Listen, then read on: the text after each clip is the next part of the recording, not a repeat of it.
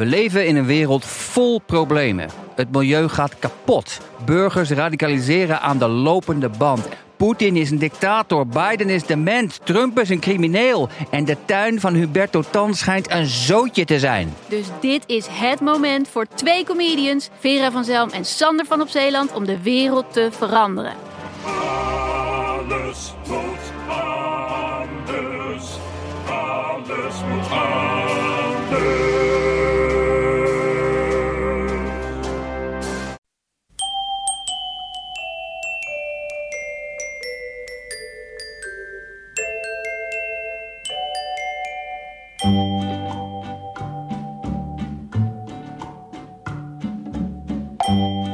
Welkom bij aflevering, en dan moet jij me even helpen, Pauline. Ja, we zitten bij aflevering 283 van Echt Gebeurd. Maar we zitten ook bij Pauline in de huiskamer. Ja. Mijn naam is Mieke Wertheim.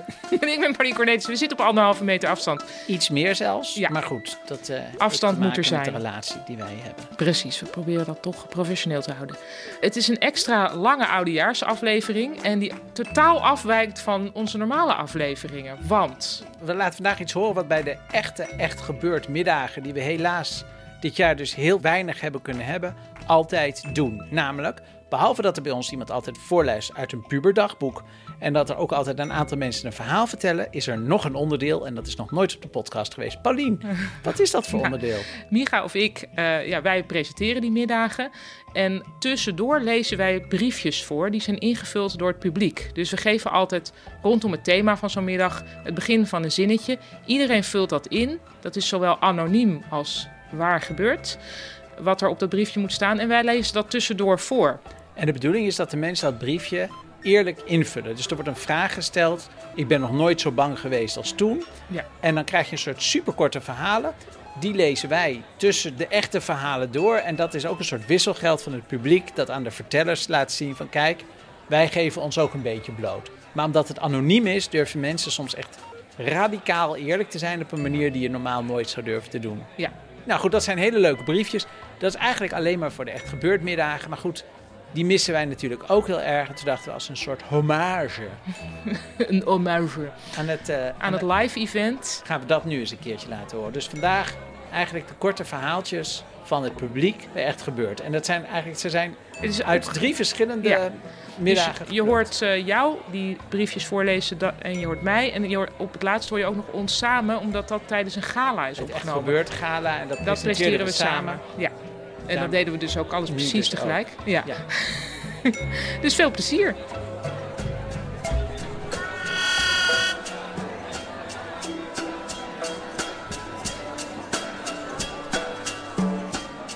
Het grootste geheim van onze familie is, en dan ga ik de briefjes voorlezen die hier zijn, een aantal. Oma heeft na het overlijden van opa een relatie gekregen met zijn zoon uit zijn eerste huwelijk. Oma heeft na het overlijden van opa een relatie gekregen met zijn zoon uit het eerste huwelijk. Oh ja, maar toch, toch? Kan dat? Ik zit even aan bloedlijnen. Dat kan nog wel, toch? Ja, dat is Woody Allen. Alleen dan achter. Ja. Mijn, oh, mijn vader is dus opgevoed door zijn halfbroer. En overigens hebben zij ook nog twee kids gekregen. Schande staat erbij. Nou, dat hoeft dus niet, want we weten niet van wie dat verhaal is. En je hoeft dus ook niet meteen te zeggen schande. Want schande bestaat niet als het anoniem is. Nou, wacht even hoor. Het zijn hele verhalen. Normaal zijn het hele korte dingen. Maar het grootste geheim van onze familie is in steekwoorden... neef oudste zoon van arts studeert af aan universiteit. Leiden staat ertussen. Blijkbaar is toch even belangrijk dat te positioneren. Eh, door binnenstad op handen gedragen... naar Australië voor doorstuderen... is stiekem niet geslaagd, iedereen voorgelogen denkt in, en denkt in Australië, zo, wat nu? En daar eindigt het verhaal.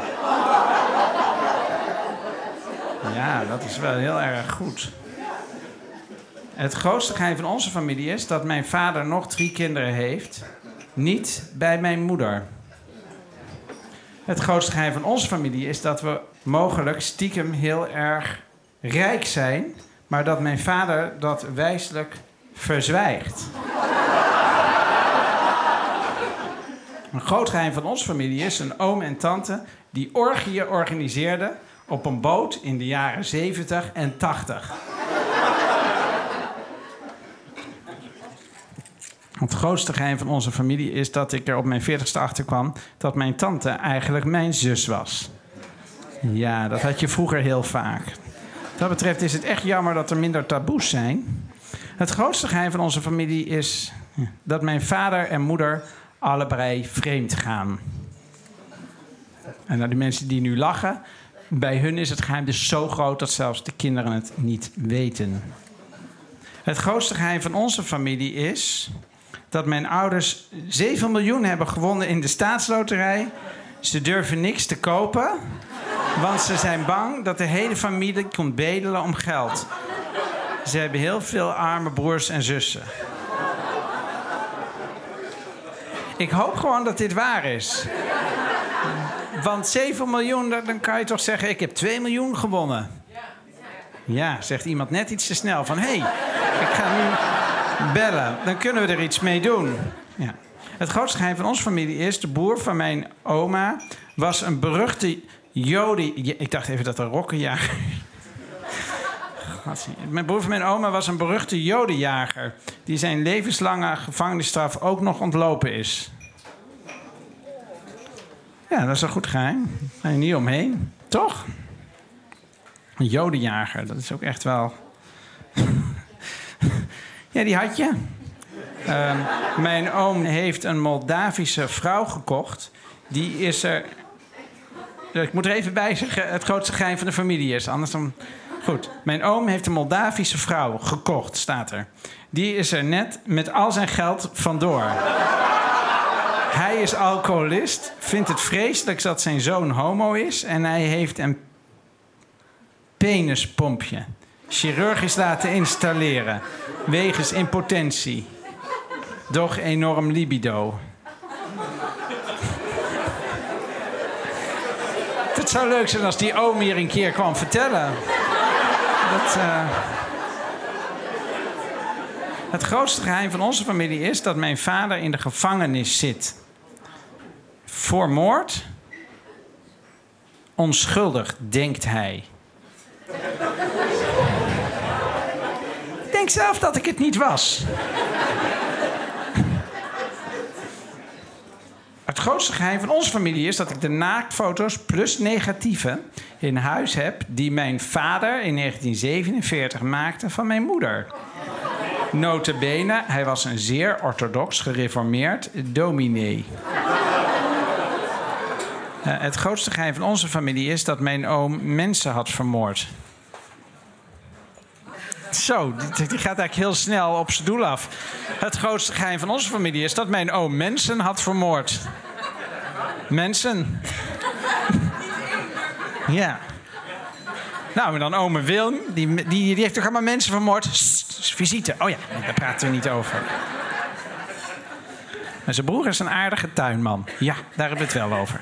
Eh, het grootste geheim van onze familie is dat mijn vader in dronken toestand de Citroën totaal losreed tegen een boom.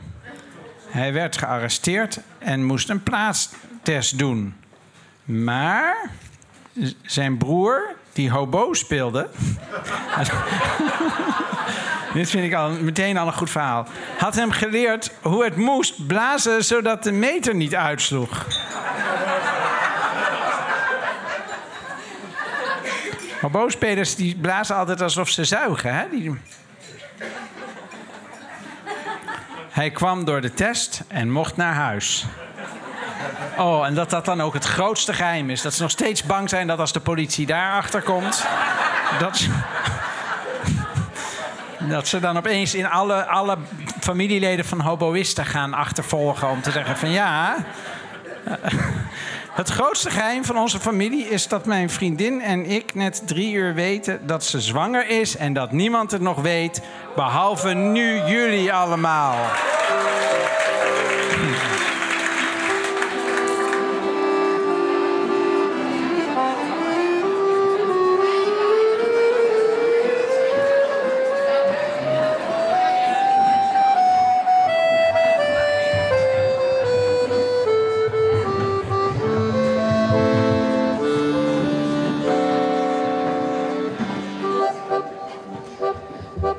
Altijd een thema. En het thema vandaag is Duitsland. Dit was een uh, lang gekoesterde wens van ons om een keer iets over Duitsland te doen. De zin was, ik heb mij nog nooit zo onheimisch gevoeld als toen. En dan zeg ik er meteen bij dat mijn vader, die is er vanmiddag niet bij. Helaas, schuine streep gelukkig. Want die zou dan meteen van... Het is niet onheimisch, het is onheimlich. Um, maar ja, in Nederland zeggen we onheimisch. En het is ook door onze redactielid Maarten Westerveen uitgezocht... dat onheimisch ook kan in het Duits. Alleen dat is zo'n ouderwets woord dat niemand het meer gebruikt. Behalve wij dus. Um, Goed, uh, maar dat is toch een, een, een onheimisch gevoel. Dat, ja, het is toch een ja, wel Duits woord. Dus daarom hebben wij jullie daar kleine mini-verhaaltjes over laten invullen. Zoals, ik heb mij nog nooit zo onheimisch gevoeld... als toen ik uit mijn broek scheurde bij het bestijgen van een pony tijdens de groepsreis naar de Bromo-vulkaan.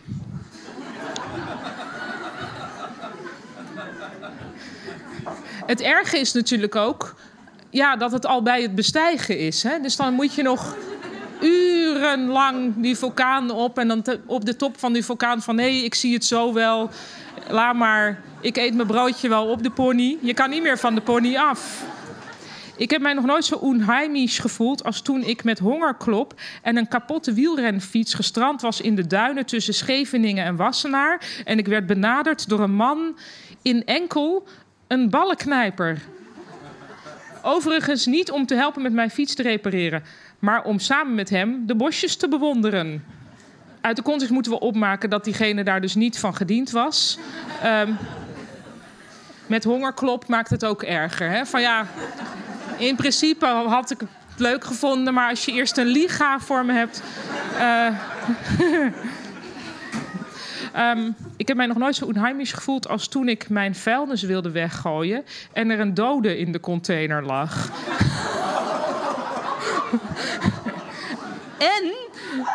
Uh, uh, en de vrouw van 112 aan mij vroeg of ik kon controleren of hij echt dood was. Ik heb mij nog nooit zo onheimisch gevoeld als toen ik in een ijsbeerpak over het hek van Artis klom, bleef haken, viel en bijna mijn nek brak. Ja. Alles riekt naar vrijgezellenfeest, hè? Maar ja. Um, ik heb mij nog nooit zo onheimisch gevoeld als toen ik onlangs in Haarlem uit de trein stapte en ontdekte dat ik 40 minuten van mijn leven kwijt was. Ja, ik vind dat, dat vind ik dus serieus onheimisch. Dat je denkt, hè, wat? Het was toch Diemen en nu ben ik in Haarlem. Um, ik heb mij nog nooit zo onheimisch gevoeld als toen ik LSD had gebruikt met mensen die ik niet kende, Amerikanen. en ze achter me hoorden fluisteren: He likes to read books. Ik heb mij nog nooit zo onheimisch gevoeld als toen een mevrouw naast mij spontaan begon te boeren en zei dat dit een teken was van geesten in de ruimte. Ook één om te onthouden, hè, van nee, dat is geesten. En er staat ook nog, we, we bevonden ons in een oud sanatorium in Zwitserland. Daar heb je wel veel geesten, dat is waar. Ik heb me nog nooit zo onheimisch gevoeld als toen Duitsland van Nederland won in het EK 2012, denk ik. Maar, ja. En ik als Duitse, omgeven door alleen maar Nederlanders, niet durfde te juichen. Ja. Ja, maar ik denk dat dat ook goed is geweest dat je dat niet hebt gedaan. Good call. Ik heb mij nog nooit zo onheimisch gevoeld als toen ik op mijn eerste werkdag bij Bolletje, denk ik, 14 kratten koekjesafval op de grond liet vallen. Ik was 14 en ik wilde de fabriek uit naar huis. Ik heb mij nog nooit zo onheimisch gevoeld als toen ik wakker werd en de trein op een rangeerterrein stond.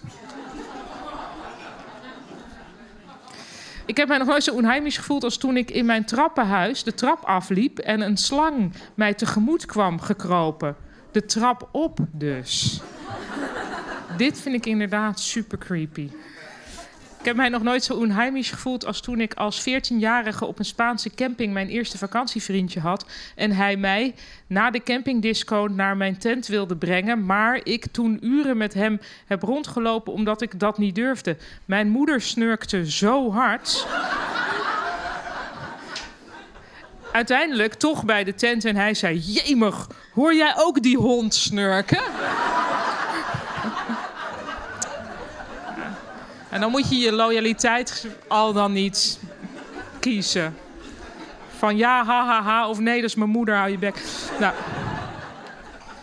Ik heb mij nog nooit zo onheimisch gevoeld als toen ik s'nachts fietsend door een bos bij Berlijn plotseling vol in de koplampen van een enorme vrachtwagen stond. De wagen stond stil en de chauffeur hing slap over het stuur. Toen ik dichterbij kwam, kwam hij ineens overeind en keek naar mij alsof hij een geest zag. Ik fietste zo hard als ik kon weg en verdwaalde ook nog eens hopeloos in het nachtelijke woud. Ah. Dat, dat heb je niet alleen iets onheimisch meegemaakt, maar je bent zelf ook onheimisch geweest. Voor... Ik heb mij nog nooit zo onheimisch gevoeld als toen ik met een Japanse klant uit eten was. We waren de enige in het restaurant. En ik zag dat al zijn vingernagels uitgetrokken waren geweest. En zijn rechterpink ontbrak. Ja, dat is Japan. Ehm, ik heb mij nog nooit zo onheimisch gevoeld als toen ik als een gênante filmscène bij de hapjestafel bleef staan een hele avond. Toen ik eindelijk een keer naar een netwerkborrel durfde. Erna fietste ik huilend naar huis. Verder ben ik best sociaal. Ja, maar ik vind netwerkborrels, iedereen heeft gewoon vrij, zeg maar, van net. Niemand hoeft ooit nog naar een netwerkborrel, vind ik. Dat is bij deze gewoon klaar met netwerkborrels. Ik heb mij nog nooit zo onheimisch gevoeld als toen er tijdens de nachtdienst in het ziekenhuis gebeld werd vanuit een lege patiëntenkamer.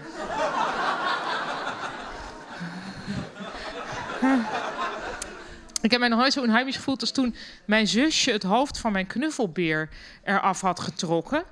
En ik opeens zonder knuffel moest slapen. Ja, dat vind ik het mooie wel eigenlijk van dit thema. Dat dit eh, eigenlijk op elk niveau kan zijn. Nou, nog eentje. Ik heb mij nog nooit zo onheimisch gevoeld als toen een collega in een volle kantine verkondigde dat Jessie was overleden. Iedereen schrok. Even later kwam Jessie niets vermoedend binnenwandelen.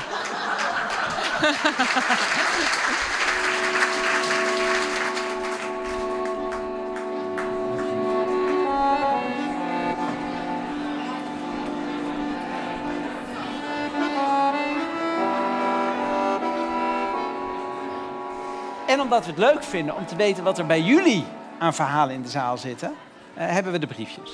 Ja, want we hebben ook een thema en het thema is onderweg. Eh, dus eh, we hebben de vraag gesteld: ik heb nog nooit zo graag naar huis gewild als toen. Ik heb nog nooit zo graag naar huis gewild als toen ik mezelf in de vrieskou om drie uur s'nachts had buitengesloten, gekleed in alleen een te kleine handdoek. En ik de onderbuurvrouw niet goed genoeg kende om aan te bellen. Ik dacht nog toen ik de deur dichtsloeg: dit is niet goed. Maar, en dit vind ik heel herkenbaar, maar ik kon de beweging niet meer stoppen. Ja, dit heb ik ook heel vaak gehad. Zo, oh, oh, oh. Ja, nee, ja. Heb, heb jij er eentje? Ik heb nog nooit zo graag naar huis gewild als toen ik even tijdelijk een half jaar geen huis had. En met mijn gezin op de camping in Bunnik woonde. De camping in Bunnik. En allebei mijn kinderen uit wraak hiervoor hadden besloten om ons het leven daar tot een hel te maken. Ja, dat lijkt me wel een goed incentive om dan toch weer te zorgen dat je een huis hebt. Dat is wel, er schijnt ook in de psychiatrische inrichtingen schijnt het heel ongezellig te zijn. Maar dat is expres. Want als het daar te gezellig is, dan denken al die mensen van ja, ik vind het eigenlijk wel gezellig hier. Ja. Dus dat geldt ook voor de camping in Bunnik. Ik heb nog nooit zo graag naar huis gewild als toen ik als kind op bezoek was bij mijn tante en oom en een tosti kreeg. Terwijl ik zat te eten, sprong hun hond, zo'n keffertje, bovenop me en nam een hap uit mijn tosti. Ik moest de tosti daarna gewoon opeten van mijn tante. Want weggooien was zonde en honden zijn schone dieren. Ik hoorde laatst mensen. Ja, sorry, we Ja. moeten, maar ik Ja. hoorde laatst mensen heel serieus gesprek voeren over mond-op-hond beademing. Mond op hond, Ja, dat dus dierenliefhebbers. die doen dat? het is blijkbaar niet toe hoor. Want ik had echt dat ik dacht, nee, maar bon- mond-op-hond beademing, dat ga ik niet doen. Maar toen zeiden ze, ja, een hond is voor mensen heel belangrijk. En als hij dan niet meer ademt, dan kan je Maar dan moet je toch die hele filmpjes moet je, dat is toch een vel, die mond loopt toch tot hier Ik door. weet het, maar dat, je- dat is dus de mensen je die zeggen van... maar dat is niet vies. Ja, of het is wel vies, maar je hebt het ervoor over. Ja. Ja, net Wat als in de liefde. Ik heb nog nooit zo graag naar huis gewild als toen ik tijdens mijn stageperiode in Londen gebeld werd omdat mijn vader was overleden. En er staat hieronder, sorry, niet grappig. Maar, dit- ja. eh, Dat is maar wel dat heel is erg- dus, daar hoef ja. je niet voor te excuseren natuurlijk. Eh, dat is nou net waar het bij Echt Gebeurd eigenlijk om gaat. Dat we zijn meer geïnteresseerd in hoe het echt gegaan is dan eh, wat een leuke grap zou zijn. Ik heb nog nooit zo graag naar huis gewild als toen mijn vrienden tegen mij hadden verteld dat het een themafeest was. Hawaii. Eenmaal binnen bleek dat een grapje. Ik heb nog nooit zo graag naar huis gewild als toen ik met mijn toenmalige aanstaande ex-vriend door Australië trok. Oké, toen ik met mijn toenmalige aanstaande ex-vriend, eh, dus gewoon met haar vriendje toen, ja, door Australië trok om zijn familie te bezoeken. Thuis wachtte mijn minnaar. Met hem ben ik nu al 27 jaar samen.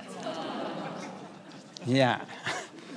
Dat is zo'n vakantievriend die denkt, ja, om het nou uit te maken is ook zonde. We zijn nu helemaal in Australië, laten we nog even... Ik heb nog nooit zo graag naar huis gewild als toen ik met een kennis op skivakantie was... die alleen krentenbollen lust en niet naar Flikker Maastricht wilde kijken.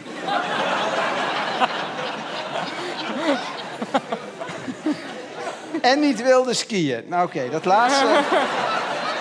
Dat laatste vind ik wel een probleem, maar voor de rest, dat lijkt me opkomen. Ik heb nog nooit zo graag naar huis gewild als toen.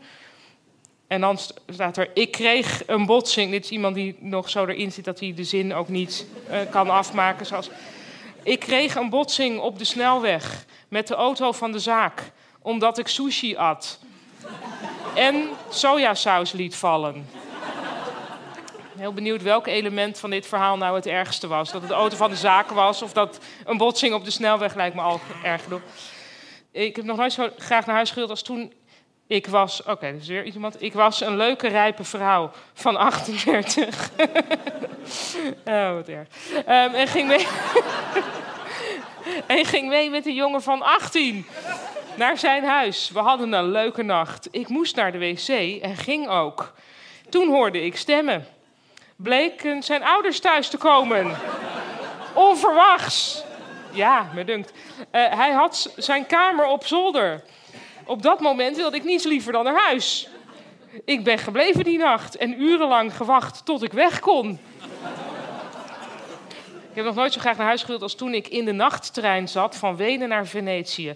Een afgesloten coupé met zes stoelen, geen bedden. De clochard naast me.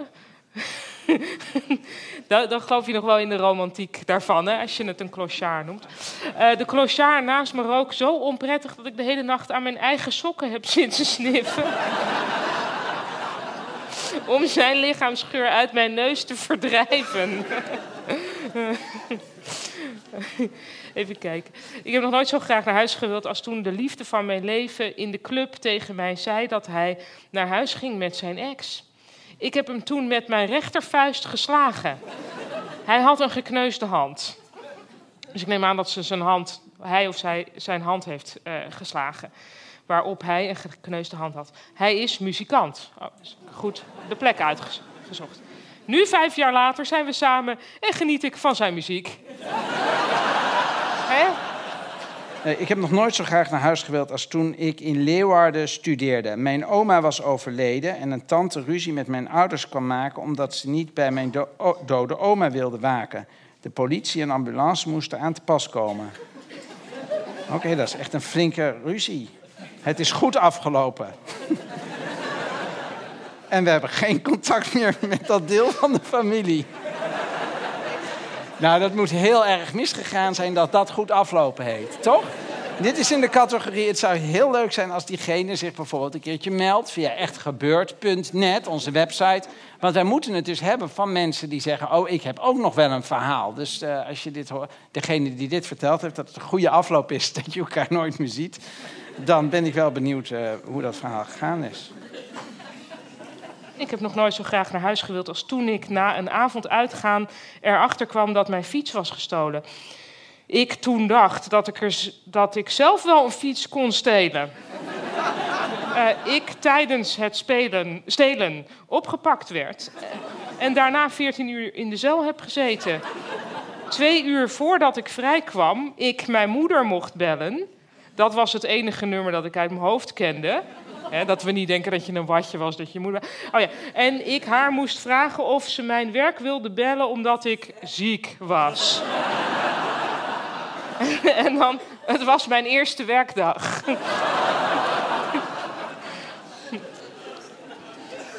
Eh, nog nooit zo graag naar huis gewild als toen ik in de taxi zat bij een chauffeur zonder rijbewijs in Buenos Aires. As you do. Eh, die in zijn twee over de zesbaan snelweg ging met de deuren open. Ik heb nog nooit zo graag naar huis gewild als toen ik op dag 1 van mijn wintersport in stilstand mijn sleutelbeen brak. Dat is wel moeilijk, hè? maar dat heb ik ook vaak. Dat ik zo ergens sta en dan eens, auw, gebroken. ik ken wel iemand die, eh, die een dwarslesie had gekregen... omdat hij op een rol pepermunt was gevallen. Dus pas daarmee op, mensen. Ik heb nog nooit zo graag naar huis gewild als toen ik met vriend liftend door Oost-Europa in een auto zat bij iemand die duidelijk niets van verkeersregels wist. Toen zei hij dat hij iets op moest halen. We stemden in, want ja, we kregen toch een lift. Bleek dat we hadden ingestemd om hem te helpen verhuizen. Maar het gaat door. We hebben de hele middag een kast voor hem in elkaar gezet. Hij bracht ons nog wel naar het volgende benzinestation. Ja, toch is dat wat je eigenlijk hoopt op een liftvakantie, toch? Dat je iets meemaakt. Ik heb nog nooit zo graag naar huis gewild als toen ik met mijn gezin in het vliegtuig zat en wij een noodlanding in Kuwait moesten maken omdat er brand was in de cockpit. Nou, nou, nou, wat werd het warm in dat vliegtuig.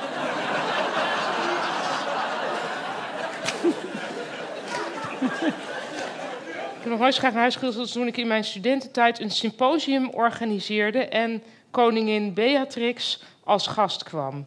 Ik moest drie uur naast haar zitten en mocht haar bij aankomst ontvangen. Toen zij met de auto aankwam, ging de deur open en stapte zij uit. Ehm, ik, ja, het komt nog. Ik gaf haar een hand, deed een stap naar achter en stapte in een hondendrol. Ik weet niet of zij het geroken heeft tijdens de drie uur dat ik naast haar zat. Maar ik in ieder geval wel. Dan zij waarschijnlijk ook wel, denk ik. Hoewel, ik moet zeggen, ik ben één keer op Paleis Noordeinde geweest... toen zij daar nog, ja, toen zij nog koningin was. En daar was een wc... Maar dat was eigenlijk meer een wc met een. ehm, ja, niet een wc, het is niet een wc. Het is meer een soort, een soort suite met wc's. Dus je hebt een soort van voorkamer voor de wc. En in die voorkamer daar kun je dan je soigneren. En eh, daar stond eigenlijk. Dus dan had je zo'n hele spiegel ehm, met zo'n soort balie. Ja, een soort kleedkamerachtig ding eigenlijk. En dan eh, zo'n spiegel. En dan eigenlijk om de twee meter stond er zo'n grote bus L-net eh, haarlak voor haar, neem ik. Ja, voor haar haar, voor haar haar ook. Ehm, want ja, en, eh, maar als je dat heel veel op je spuit, dan denk ik niet dat je verder nog iets ruikt. Dit even ter geruststelling. Hè. Ik als achtjarig meisje op de stoep fietste en een politieauto mij daarop betrapte en achter mij aan ging rijden. Ik race, race doodsbang naar huis met mijn pop in een stoeltje aan het stuur. Eenmaal bij de voordeur stopte de auto en zei de agent: Niet meer doen, hè? oh, wat zijn er toch een lullen in de wereld. Ik heb nog nooit zo graag naar huis gewild als toen ik was blijven slapen bij een jongen in mijn eerste studiejaar. Hij was een rugbyspeler. Oh, bijna alle vingers van zijn hand, ik denk, oh god, waar gaat dit heen? Had hij al eens gebroken. We gingen samen aan het tentamen werken. Ik bleef slapen, want hij woonde erg ver weg. De volgende ochtend, er was qua seks niks gebeurd, kookte hij eitjes voor het ontbijt. Hij pakte zijn ei en zonder enige waarschuwing smeet hij het ei tegen mijn voorhoofd.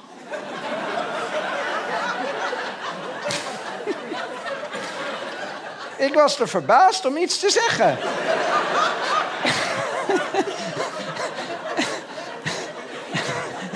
ja, nou, staat hier.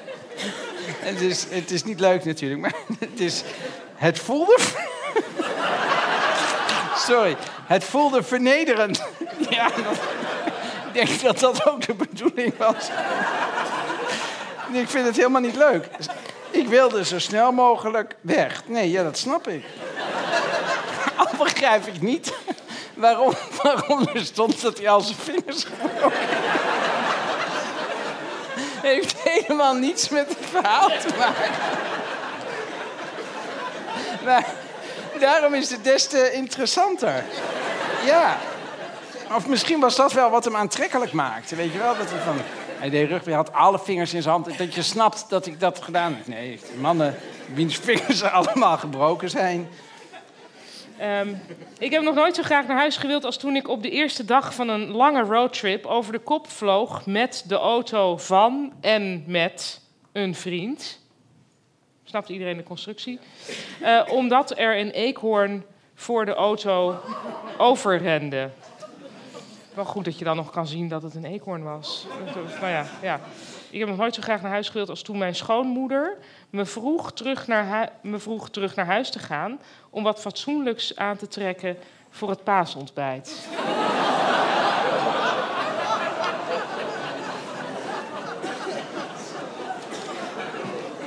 Zeggen dat ik wel, ik heb wel bewondering voor het lef van sommige mensen. Ik kan toch niet voorstellen dat je echt dat, dat durft te vragen van ga jij eens terug naar huis? Kom jij eens terug met een button-down?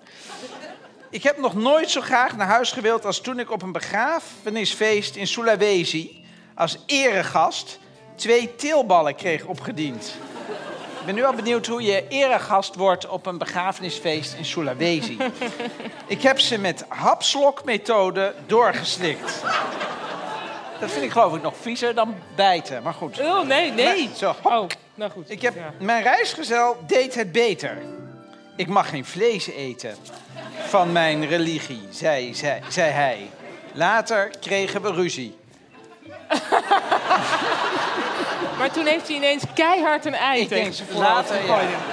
later krijgt iedereen ruzie, vroeg of laat. Ik heb nog nooit zo graag naar huis gewild als toen ik plus minus 50 jaar geleden op oudjaarsavond alleen bij grootouders logeerde en ontdekte dat ze niet naar de oudejaarsconferences zouden kijken op tv. Ik heb toen heimwee geveinsd en ben opgehaald door mijn ouders. En had alsnog een hele leuke avond. Volgens mij hoef je al niet... Dat is heimwee zo. Dus maar dat, ja.